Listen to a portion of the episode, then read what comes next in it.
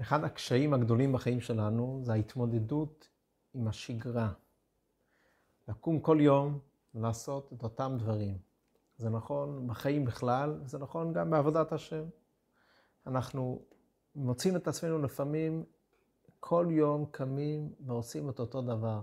אם זה בחיים, אם זה בעבודת השם, כל יום אותן תפילות, אותן ברכות, אותה תפילת שחרית, אותה תפילת מנחה, אותה תפילת ערבית, אותן ברכות כל יום, אותן מצוות, אותם מעשים, וזה נכון גם בעבודת השם וגם בכלל בחיים. הולכים לעבודה, אותו משרד, עושים את אותן פעולות, או כל אחד עם, ה, עם המשרה שלו, עם העבודה שלו, עם החיים שלו. ולפעמים דווקא השגרה הזאת של החיים, לפעמים מייבשת אותנו, משעממת אותנו. אנחנו מרגישים כמו, כמו מכונה שעושה את אותן פעולות, אותם דברים, כל יום. לפעמים כבר נמאס, נמאס לעשות אותו דבר כל יום. כפי שאמרתי, זה לא רק בחיים, זה גם בעבודת השם. לפעמים יהודי עובד השם שואל את עצמו, למה אותה תפילה כל יום? למה אותה ברכה כל יום? למה אותן מצוות אנחנו עושים, אותן תפילין, אותה טלית, אותו דבר כל יום? קמים בבוקר, מתפללים את אותה תפילה, ואחרי כמה שעות, שוב, אותה תפילה, תפילת שחרית, תפילת מנחה, תפילת ערבית, מברכים את אותן ברכות. אנחנו כל שנה קוראים ולומדים את אותה תורה, פרשת בראשית, פרשת נוח, פרשת לך לך, פרשת וירא. השגרה הזאת לפעמים עלולה לייבש אותנו, ל- ל- ל- לשחוק אותנו.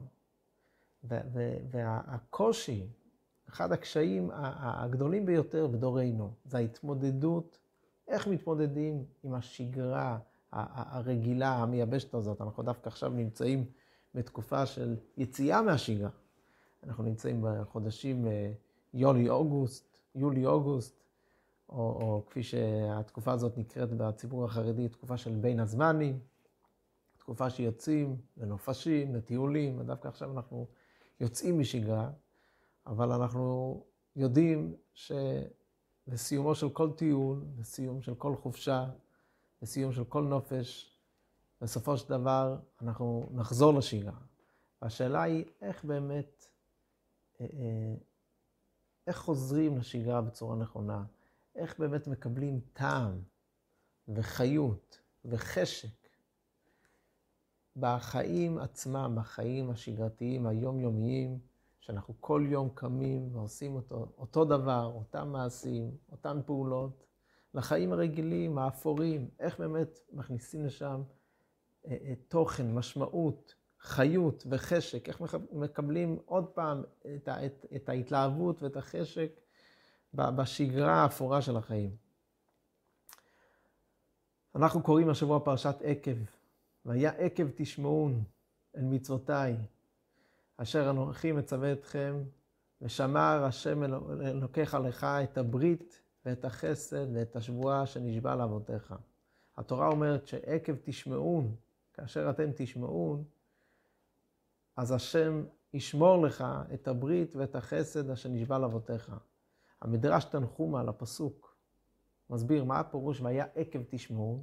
מה זה עקב תשמעון? עקב תשמעון הולך על המצוות. מצוות קלות שאין בני אדם משגיחים בהן, אלא שמשליכין אותן תחת עקביהן. וכך גם רש"י מביא, רש"י מביא את המדרש הזה בשינוי לשון, גם כן את אותו תוכן, מצוות קלות שאדם דש בעקביו.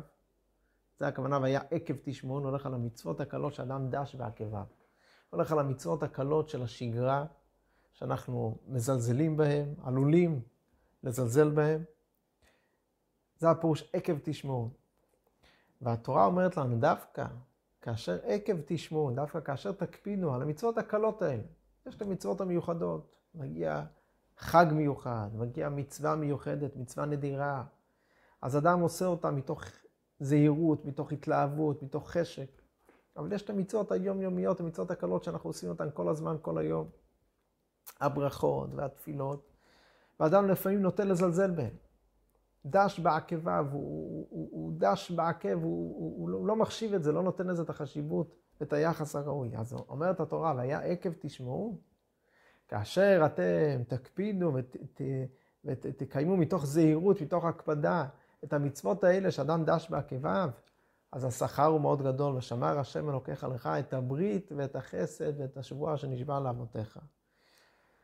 אז אנחנו בשיעור היום נדבר איך באמת, איך מק... באמת מקבלים חיות וחשק בחיים הרגילים, בחיים האפורים של השגרה. יש אה, מחלוקת מעניינת בחז"ל. המחלוקת הזאת זה במסכת ירושלמי, פרק נדרים, אה, מסכת נדרים, פרק ט', הלכה ד', יש מחלוקת בין רבי עקיבא לבין עזאי. רבי עקיבא אומר, בעצם המחלוקת הזאת היא, היא, היא מחלוקת, מה, מהו הפסוק החשוב ביותר בתורה? איזה פסוק? זו באמת שאלה מעניינת. אם אני שואל בן אדם, מה הפסוק? מה, מהי המצווה החשובה ביותר בתורה? אנחנו יודעים שבתורה, ביהדות, יש המון המון מצוות, המון המון ערכים, המון המון, המון רעיונות. אבל מה, מהי המצווה? מהו הפסוק? מהו הרעיון הכללי ביותר, החשוב ביותר בכל התורה כולה? אז רבי עקיבא אומר, ואהבת לרעך כמוך, זה כלל גדול בתורה. רבי עקיבא בוחר את הפסוק, זה אנחנו, זה גם אה, מאמר חז"ל מאוד ידוע. רבי עקיבא אומר, ואהבת לרעך כמוך, זה כלל גדול בתורה. הפסוק הזה, שאהבת לרעך כמוך, זהו הכלל הגדול ביותר בתורה. לאהוב אדם אחר, לאהוב את רעך כמו שאתה אוהב את עצמך. בן עזאי חולק עליו, אומר לו, זה ספר תולדות אדם. זה כלל גדול בתורה. המפרשים מסבירים, מה, מה, מה זה הפסוק זה ספר תולדות אדם?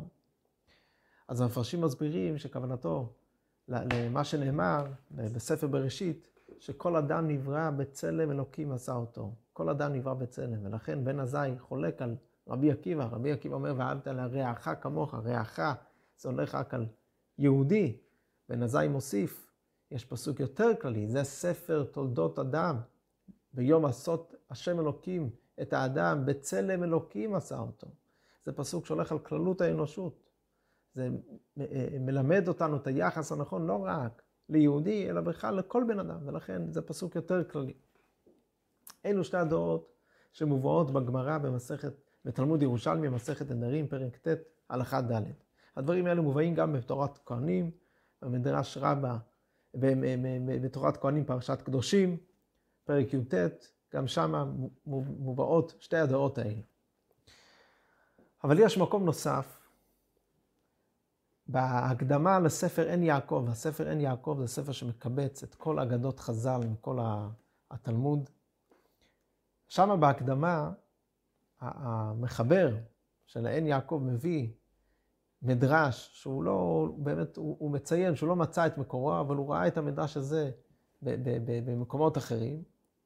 ושם מובאות גם כן שלוש דעות, שלוש שיטות מחז"ל, שלוש דעות, מה באמת הפסוק החשוב ביותר בכל התורה כולה. אז שם הוא מביא ככה, הוא מביא, בן זומא אומר, שיש כלל, יש פסוק, הפסוק הכללי ביותר בעיניו, הוא הפסוק שמע ישראל השם אלוקינו השם אחד. זה פסוק שמדבר על אחדות השם, על האמונה באלוקים, האמונה בהשם אחד. זה הפסוק הכללי ביותר, החשוב ביותר בכל התורה כולה. בן הנס חולק עליו, והוא אומר כדעת רבי עקיבא, ואהבת לרעך כמוך. זה הכלל הגדול ביותר בתורה. אז אם כן, יש לנו כאן עד לכאן שלוש שיטות. יש לנו שיטת רבי עקיבא ובן הנס, שהפסוק, ואהבת לרעך כמוך, זה הפסוק החשוב ביותר, הכלל, הכללי ביותר, החשוב ביותר בכל התורה כולה. יש לנו את שיטת בן עזאי, שאומר זה ספר תולדות אדם, זה הפסוק החשוב ביותר, הכללי ביותר בכל התורה.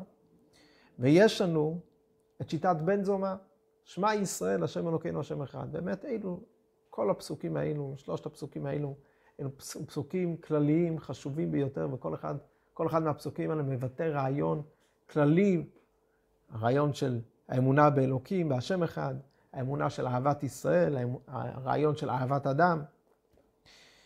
אבל אז המדרש מביא דעה נוספת.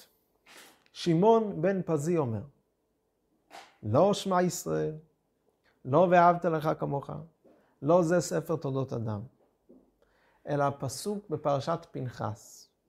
את הכבש אחד תעשה בבוקר, ואת הכבש השני תעשה בין הארבעים. זהו הפסוק הכללי ביותר, זה הכלל החשוב ביותר בכל התורה כולה. שמעון בן פזי אומר, את הכבש אחד תעשה בבוקר, ואת הכבש השני תעשה בין הארבעים.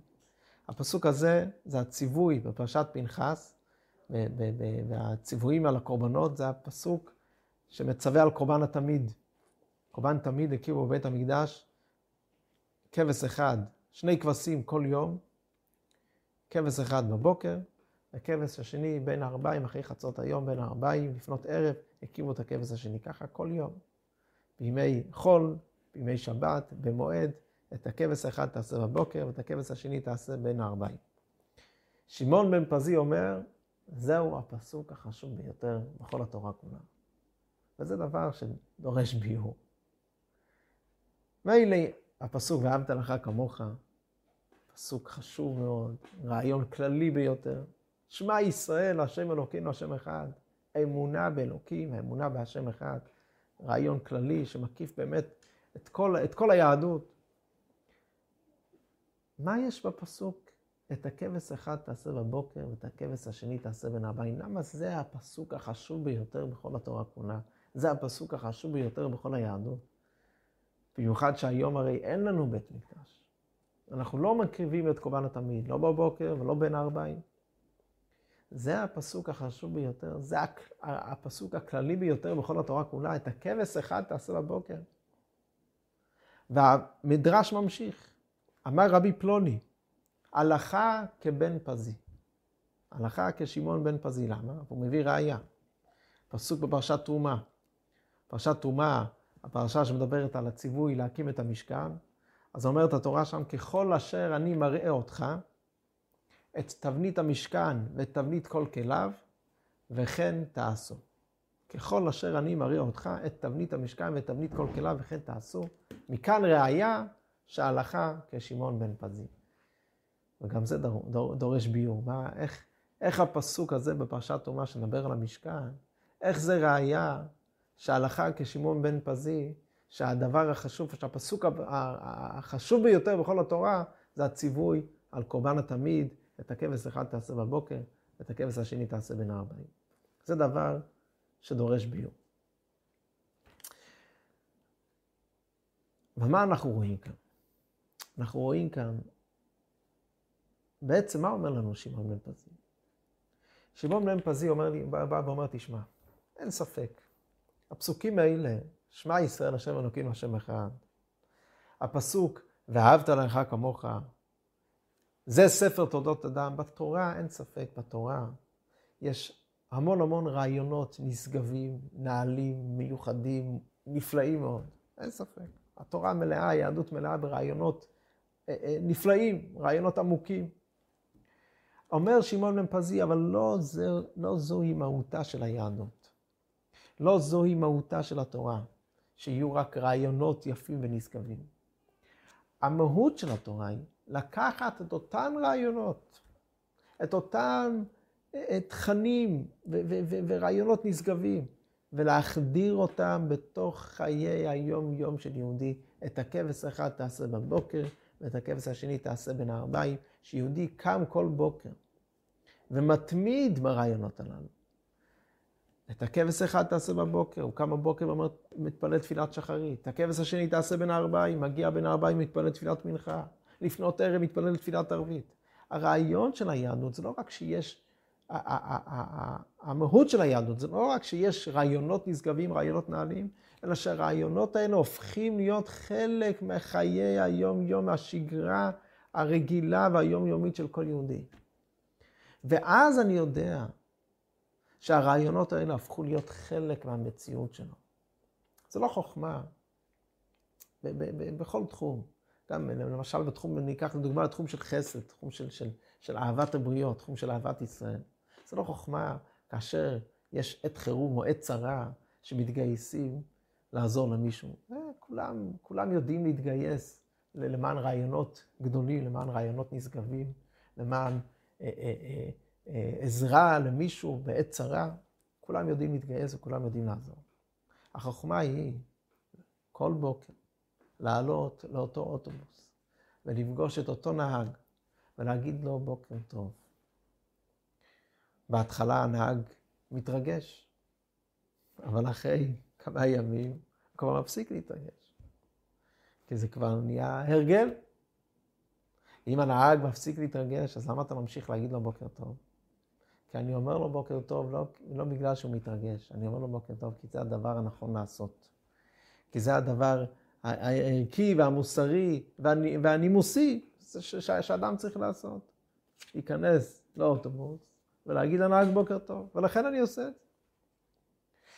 כאן, זוהי הראייה שאהבת הבריות, אהבת ישראל, הערכים האלה של דרך ארץ הפך להיות חלק בלתי נפרד מהמציאות שלך.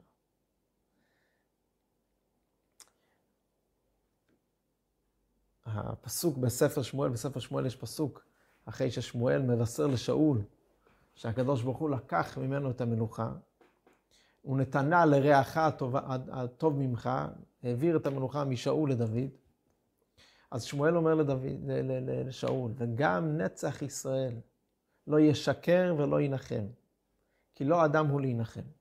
פסוק בספר שמואל א', פרק ט"ו, פסוק כ"ט, וגם נצח ישראל לא ישקר ולא ינחם, כי לא אדם הוא להנחם. הפירוש הפסוק, הפירוש הפשוט בפסוק, שמואל אומר לשאול, תדע לך, שאחרי שהקדוש ברוך הוא החליט להעביר את המנוחה ממך לדוד, הוא לא ינחם, הוא לא יחזיר לך את המנוחה, זהו, נגמר הסיפור. ההחלטה הזאת היא סופית ולא ניתנת לשינוי. גם נצח ישראל, נצח ישראל הולך על הקדוש ברוך הוא, שהוא הנצח של ישראל, ממנו הנצחיות של עם ישראל. נצח ישראל לא ישקר ולא ינחם, כי לא אדם הוא, הוא לא בן אדם שיכול לעבור שינויים.